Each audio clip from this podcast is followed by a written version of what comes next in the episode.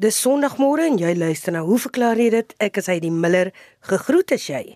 Ek verwelkom ook ons gaste vanoggend, die teoretiese fisikus professor Hendrik Geier, verbonde aan die Stellenbosch Instituut vir Gevorderde Navorsing. En dan is daar emeritus professor Lefras Mouton, 'n dierkundige verbonde aan die departement plant en dierkunde aan die Universiteit van Stellenbosch.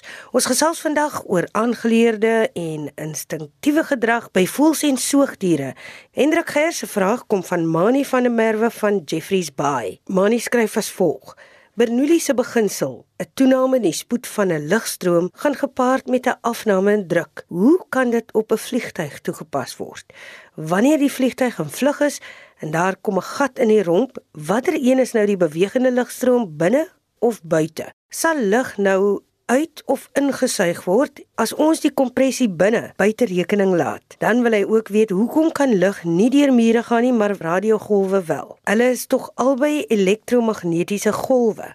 Hoekom kan ons dan deur glas en water sien, maar nie deur die muur nie? Goeiemiddag Heidi.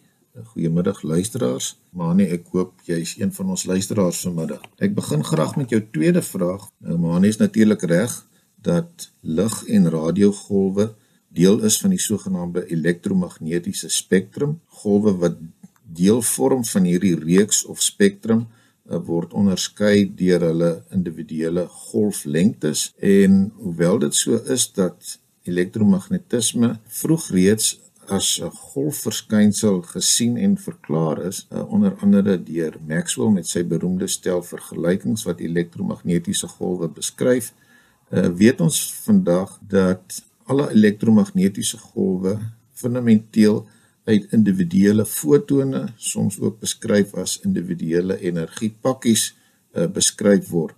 En rofweg kan 'n mens sê omdat daar so 'n groot klomp van hierdie fotone teenwoordig is in 'n elektromagnetiese golf, hulle as uh, in groep of in totaal uh golfeienskappe vertoon en en dus word die golfbeskrywing hierdeur uh, moontlik gemaak. Nou as 'n mens gaan kyk na die verskil tussen sigbare lig en radiogolwe, dan moet 'n mens onder andere noem dat radiogolwe se golflengte wissel van tipies omtrent so 30 cm tot etlike duisende meter. Aan die ander kant is lig se golflengte die sigbare lig wissel tussen omtrent 380 tot 740 nanometer. Nou 'n nanometer is 10 tot die mag minus 9 meter oftewel 1 nanometer is 'n miljoenste van 'n millimeter. So tussen 'n tipiese radiogolf golflengte en 'n sigbare liggolflengte is daar ten minste 10 miljoen uh orde groottes verskil. Nou voor ons in 'n bietjie meer besonderhede gesels oor waarom hierdie verskil belangrik is wanneer ons praat van die interaksie tussen fotone van verskillende golflengtes of verskillende frekwensies of verskillende energie al hierdie goed is uiteindelik ekwivalent uh met 'n vaste stof. Is dit miskien nuttig om na 'n eenvoudige analogie te kyk uh wat alhoewel nie volledig akkuraat en alle aspekte van van die uh, fisiese interaksie tussen fotone en en vaste stof beskryf nie, uh, gee dit mense tog 'n goeie gevoel. En die analogie wat ek wil gebruik is die van van twee vleiende voorwerpe wat deur 'n by reën vlieg. Aan die een kant kan 'n mens kyk na wat gebeur met 'n voël wanneer hy deur uh, reën vlieg en jy kan dit vergelyk met wanneer iets soos 'n muggie of 'n muskiet deur dieselfde reën sou probeer vlieg. En ons weet 'n voël word nie eintlik gestuit deur individuele reendruppels nie. Hy word miskien 'n bietjie nat, maar hy vlieg redelik gemaklik deur so 'n reënbui. Aan die ander kant sal 'n muskiet of muggie baie moeilik uh, sy pad deur 'n reënbui kry want individuele druppels sal hom in elk geval net van koers af dwing uiteindelik waarskynlik op die grond laat beland. So wat fundamenteel verskillend tussen die twee situasies is is die manier waarop die interaksie tussen wat ook al deur die medium in die geval nou reën as analogie probeer beweeg hoe daardie interaksie plaasvind. Nou wanneer 'n foton of dit nou 'n foton in 'n radiogolf of 'n foton in 'n sigbare liggolf is uh, met 'n vaste stof interageer, is dit uiteindelik die proses wat plaasvind tussen interaksie van so 'n foton met 'n enkele elektron wat hom in hierdie vaste stof bevind. Nou een van drie dinge kan gebeur. Die vaste stof kan eenvoudig die foton sogenaamd absorbeer. Dit is wanneer die foton al sy energie aan 'n elektron ergens in die materiaal afgee. Daardie elektron kan in 'n hoër energievlak inbeweeg en die foton verdwyn uit die stelsel uit. Daar kan ook weerkaatsing plaasvind. In hierdie geval gee die foton sy energie af aan die materiaal, maar 'n identiese foton word dan weer uitgestraal. En ten derde kan so 'n foton onverhinderd uh, deur die materiaal beweeg en dit is wanneer 'n mens natuurlik te maak het met 'n uh, deursigtige tipe materiale. Wanneer 'n individuele foton met 'n elektron bots en 'n mens nou moet uitpleis wat die moontlikheid is of watter moontlikhede inderdaad kan realiseer, moet 'n mens onthou dat in 'n atoom die energievlakke van 'n elektron op 'n diskrete manier gerangskik is. So as die atoom as dit ware op sy eie is, dan moet die elektron presies die regte energie hê om af te gee aan die elektron sodat dit in 'n volgende energiebaan kan beweeg. In 'n vaste stof aan die ander kant is dinge 'n bietjie meer ingewikkeld. Dit is nie so seer in stel diskrete energievlakke wat vir 'n elektron beskikbaar is nie, maar die beskikbare energie is gerangskik in wat genoem word energiebande. En tussen beskikbare energiebande wat nou 'n energiebereik verteenwoordig waar jy eintlik kontinue verspreiding of 'n uh, reeks energie beskikbaar het, uh, die word onderbreek deur sogenaamde verbode bande. So of 'n foton 'n elektron suksesvol van een band na 'n ander een uh, kan laat beweeg hang daarvan af of hy genoeg energie het uh, om dit reg te kry. As hy nie genoeg energie het nie, uh, dan beweeg hy eenvoudig deur. En nou is dit nie so moeilik om dan te sien waarom radiogolwe relatief maklik deur vaste stowwe beweeg nie. Hulle het baie lang golflengtes, oftewel baie lae frekwensies of mense sou dit kon sê as dat die individuele fotone elkeen baie min energie het definitief nie genoeg energie om 'n elektron wat deel is van so 'n vaste stof soos byvoorbeeld 'n muur van een energieband na 'n volgende energieband op te wek nie en so 'n foton beweeg dan uh, ongeskonde reg deur die muur. Dieselfde sou mense kon sê vir uh, deursigtige materiale uh, as 'n mens nou praat van van fotone wat deel is van die sigbare ligspektrum. Uh, in hierdie geval uh, is dit ook so dat deursigtige materiale daardeur gekenmerk word uh, dat uh, fotone wat deel is van die sigbare spektrum eenvoudig nie genoeg energie het uh, om elektrone van een band na 'n ander een op te wek nie. Hulle beweeg deur wat dan beteken dat die sigbare lig in hierdie geval deur die deursigtige materiaal beweeg. Uh, aan die ander kant is die meeste ander materiale nie deursigtig nie wat beteken dat daar genoeg geleentheid is vir so 'n foton om met 'n elektron te bots wat hy in 'n ander energieband kan plaas en dus uh, geabsorbeer word. So dis die basiese verskil maar nie tussen nommer 1 radiogolwe en die sigbare deel van die elektromagnetiese spektrum uh en waarom lig deur sommige materiale kan beweeg en deur ander nie. Dit het alles uiteindelik te maak met die vermoë van so 'n foton wat deel is van watter deel van die spektrum uh, jy ook al na verwys om daardie energie van hom uh of af te gee aan 'n elektron of uh ongesteurd deur die materiaal te kan beweeg. Hy die uh Mani is 'n tweede vraag handel oor die Bernoulli beginsel. Dis 'n langer vraag is die eerste een uh en ek sal op hom 'n korter antwoord kan gee. Die prentjie wat Mani hier skets is dat 'n vliegtuig vlieg, daar's 'n gat in die romp Nou op een of ander manier skakel hy die feit af dat daar uh, binne in die vliegtuig 'n hoër druk is as uh, in die omliggende lug buite en nou wil hy weet uh, as 'n mens nou Bernoulli se beginsel toepas uh, wat sê dat uh, hoe hoër die spoed van 'n lugstroom, hoe laer dis die druk geassosieer daarmee uh of die lug nou in of uitgesuig sal word. Nou maar nee, ek dink ons kan die situasie miskien 'n klein bietjie vereenvoudig deur van die vliegtuig uh, weg te beweeg en vir onsself net eenvoudig te vra as jy nou 'n toebuis het uh, met 'n gat in die wand van die buis en jy sou byvoorbeeld met 'n haardroër oor daardie gat blaas, sou lug ingesuig word in die buis of sou dit na buitentoe uitbeweeg uit die buis uit. Uh dis duidelik dat die analogie presies dieselfde is want ons kan aan die een kant dink aan lug wat soos ek gesê het by die opening in die buis geblaas word aan die ander kant as ons die buis beweeg relatief tot die stilstaande lug het ons presies dieselfde effek.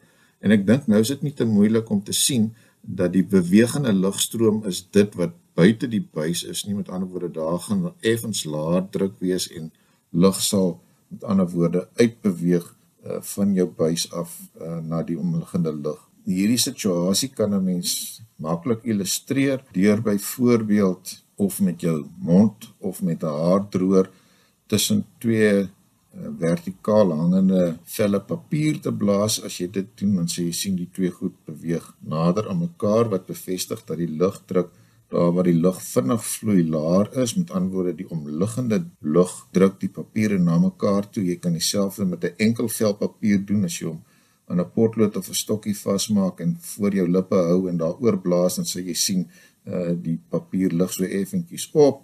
Uh dieselfde effek sien mense sê 'n lugstroom tussen twee ballonne deurblaas dan beweeg hulle na mekaar toe. Alles manifestasies van uh, Bernoulli se beginsel uh wat jy tereg beskryf uh kortweg as iets wat 'n mens waarneem dat die druk afneem na mate 'n lugstroom uh se spoed toeneem. So dit kortom Mani is uh, wat ek dink 'n mens oor die vraag van jou sou kon sê, dink jy sal saamstem is miskien veiliger om met bewegende buise as met vliegtye hierdie uh, eksperiment te doen. Baie dankie vir twee interessante vrae en goed gaan. Dankie Hendrik. Dis hoe verklaar jy dit wanneer jy luister net hier op RSG 100 tot 104 FM? Ons het 'n navraag ontvang van Chris Kutse. Hy het twee vrae, maar ons bespreek vandag net een oor aangeleerde versus instinktiewe gedrag by voëls en soogdiere. Chris skryf: Hier waar ek woon is daar verskeie kweevoëls op die terrein. Dit is opvallend dat alle voëls en selfs ander diere deeglik bewus is daarvan dat die spesifieke skree van die kweevoël gevaar aandui. Dieselfde kennis van gevaar kom ook by ander spesies op ander terreine voor. Soos byvoorbeeld het ek gesien dat 'n houtkapper sy nes verbeter moet verdedig teen 'n heuningwyser wat sy eiers in die houtkapper se nes wou kom lê. Word daardie kennis geneties oorgedra of hoe is dit moontlik dat hierdie verskillende gevare vir almal rondom dieselfde betekenis het. Dit lyk nie 'n aangeleerde gedrag nie want alle voëls herken die verskillende gevaarroepe en die vyande wat eiers in hul neste wil kom lê om deur die gasheer uitgebroei en grootgemaak te word. Môre, Heidi en luisteraars, uit Chris se brief kom mens dadelik agter dat hy baie genot uit die natuur put. Chris, baie voël en soortgene spesies uiter of gee potensieel riskante alarm of waarskuwingsroepe wanneer 'n predator opgemerk word. Riskant in die sin dat die dier se posisie moontlik aan die predator verklap kan word. Daar is twee hoofhipoteses oor hoekom alarmroepe evolusionêr sou ontwikkel het. Dit wil sê oor watter aanpassingsvoordele dit vir verskillende spesies inhou. Die eerste hipotese is dat die doel van die alarmroep is om met die predator te kommunikeer. Om vir die predator te sê, luister ou vriend, ek het jou gesien. Jy hoef nie jou tyd verder te mors teen my te probeer vang nie. Dit kan natuurlik direkte oorlewingsvoordele vir die individu inhou as die predator oortuig kan word dat die verrassingselement van sy aanval daarmee heen is en dat hy liewe sy poging moet laat vaar. Die alarmroep is dus in hierdie geval nie 'n gebaar van naaste liefde om lede van dieselfde spesies of selfs van ander spesies oor dreigende gevaar uh, in te lig nie. Die alternatiewe hipotese oor die doel van die alarmroep is 'n nepotistiese een en dit lei dat daar beide direkte en indirekte voordele in is om naverwantes of sal ek nou sê familielede van dreigende gevaar aan kennis te stel. Want sodoende word die individu wat nou die waarskuwingsroep gee se gene uh, via sy kinders en kleinkinders beskerm. Hierdie hipotese is dan nou grootliks op sosiale spesies van toepassing. Dit wil sê spesies waar individue in groepe saamlewe. Ek het op 'n baie interessante artikel afgekom waar navorsers getoon het dat by die 209 knaagdierspesies wat hulle ondersoek het, daglewendheid die evolusie van 'n alarmroep as kommunikasie met die predator vooraf gegaan het en die gebruik van die alarmroep om naverwantes teen gevaar te waarsku eers 'n latere ontwikkeling by sosiale spesies was. Dus ten minste by die knaagdier groep wat nou bestudeer was, het die alarmroep evolusionêr by daglewende spesies ontstaan om met die predator te kommunikeer en nie om naverwantes teen gevaar te waarsku nie. Laasgenoemde is 'n latere uitbouing van die alarmroep. Of hierdie waarneming ook op ander diergroepe van toepassing sou wees, is onseker, maar die waarskynlikheid is hoog. Daglewendheid maak sin want daar's net soveel meer predatore wat in die dag aktief is as in die nag. En die kans op goeie sig om die predator raak te sien is net soveel beter in die dag as in die nag. Vir my lê die interessantheid van die navorsers se bevindinge daarin dat die evolusie van die alarmroep en die latere uitbouing daarvan by sosiale diere om naverwantes teen gevaar te waarsku waarskynlik die begin was van kommunikasie deur middel van verskillende geluide by die primate wat dan uiteindelik gelei het tot die vermoë om te kan praat by die mens. Die blou aapie byvoorbeeld het verskillende waarskuwingsroepe om tussen 'n slang, 'n luiperd en 'n roofvoël te onderskei. By die simpansee het natuurlike seleksie die hoe-geluide al so gediversifiseer dat daar verskillende konteksafhanklike hoes is, né? Die bevel uh in die groep ons moet nou beweeg. Dan is daar 'n ander hoe uh vir ons moet nou stop om te rus of daar's 'n ander hoe vir verskillende uh gevare wat mag bestaan. Nou hierdie klanke of geluide word of kom ons sê vokalisasies word deur seleksie in stand gehou omdat dit daardie gemeenskaplike aktiwiteite, koöperatiewe aktiwiteite by die simpansee soos om in 'n trop saam te beweeg ensovoorts en ook sosiale kohesie uh word dan nou hierdeur deur seleksie in stand gehou.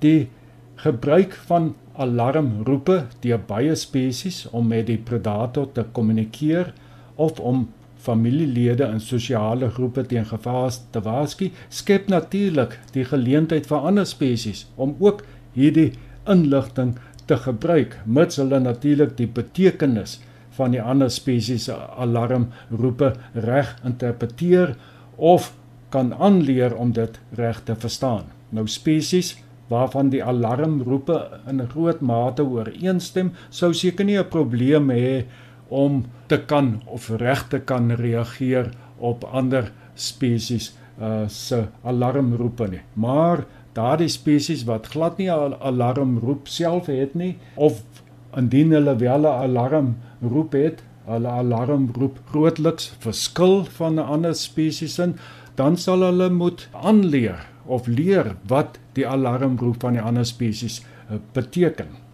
Nou Chris spesies se eie alarmroepe sal geneties vasgelê wees. Volgens my inligting is die reaksie op ander spesies se alarmroepe grootliks aangeleerde gedrag en nie geneties vasgelê nie. Nou dit maak sin want die samestelling van gemeenskappe is hoogs veranderlik oor tyd met nuwe spesies wat voortdurend bykom en ander wat weer uit die gemeenskap eh, verdwyn. Die blootstellingstyd aan 'n spesifieke spesies se alarm roep sal waarskynlik te kort wees vir eh, 'n uh, gevoeligheid vir daardie roep om evolusionêr uh, aanpassing te ondergaan, né, om sodat dit geneties vasgelê kan word. Ek is egter oortuig dat die meeste prooi spesies wel 'n inherente of kom ons sê 'n geneties vasgelegde gevoeligheid het vir skerp klanke in die algemeen, maar dat hulle deur middel van 'n leerproses die koring van die kaf moet skei. Nou ek staan altyd verstom as ek sien hoe my wetvlugduwe by die hok reageer op inligting wat hulle uit ander voëls se gedrag kry. As die tortelduwe in die omgewing skielik in allerlei rigtings begin vlieg, weet die duwe daar's 'n valk in die omtrek en dan soek hulle dadelik skuilings. Selfs die jong duifies wat vir die eerste keer op hulle eie buite is, vertoon hierdie gedrag wat daar wys dat hierdie reaksie geneties vasgelê is. Ek is ook altyd verbaas om te sien hoe skerp die duwe se waarnemingsvermoë van groot voëls in die lug is. Hulle weet presies watter voël vir hulle gevaar inhou. Hulle het nie 'n saak met 'n kraai of 'n bleeksingvalk of 'n wou nie, maar laat daar nou 'n sperwe of 'n edelvalk vlieg, dan soek hulle koorsagtig na skuilings. Dit is asof hulle die buitelyn en ook die manier van vlieg van die gevaarlike spesies erken en dan dadelik daarop reageer. Weereens toon jong duifies dieselfde vermoë wat wys dat ook hierdie gedrag waarskynlik 'n genetiese basis het. Chris, jy wil ook weet of die houtkappe wat sy nes verbeter moet verdedig teen 'n heuningwyser wat sy of dan nou seker haar eiers in die houtkappe se nes wou kom lê, geneties so geprogrammeer is om sy nes spesifiek teen die heuningwyser beskerm. Ek dink die meeste voëls is geneties geprogrammeer om hul neste teen enige indringer met passie te verdedig, selfs die individue van hulle eie soort. Die feit dat die houtkapper 'n erkende gasheer vir die heuningwyse is, beteken dat die houtkapper selde daarin slaag om die heuningwyse te laat afsien van sy voornemens om sy eiers in die houtkapper se nes te lê. Dit is dus moeilik om te glo dat die houtkapper se verdedigingsgedrag evolusionêr ontwikkel het dis met 'n genetiese basis uh, bedoel ek nou spesifiek om die nes teen die heuningwyse te beskerm. Om op te som Chris, 'n baie interessante onderwerp wat jy hier aanraak. Dit is lekker om te weet dat die vermoë van die mens om verbaal te kan kommunikeer sy oorsprong lank gelede gehad het met die evolusie van die alarmroep by die vroeë primaat voorvaders. Dit is ook interessant om te weet dat die alarmroep van baie spesies nie 'n altruïstiese gebaar is om lede van die spesies teen gevaar te waarsku nie, maar eerder om inligting aan die predator oor te dra. Die alarmroepe van spesies word soos jy tereg uitgewys het deur baie ander spesies as bronne van inligting oor dreigende gevaar benut. Hierdie vermoë is egter aangeleer eerder as geneties vasgelê. Wel daar het jy dit. Weereens dankie aan Hendrik Geier, so ook aan Lefras Meton vir vandag se baie interessante onderwerpe. Stuur joune vir ons. Nou, hoe verklaar jy dit? Dis posbus 2551 Kaapstad 8000 of jy kan vir my 'n e e-pos stuur na heidi@rsg.co.za. As dan 'n Sondag, selfe tyd, selfe plek, dan maak ons weer so.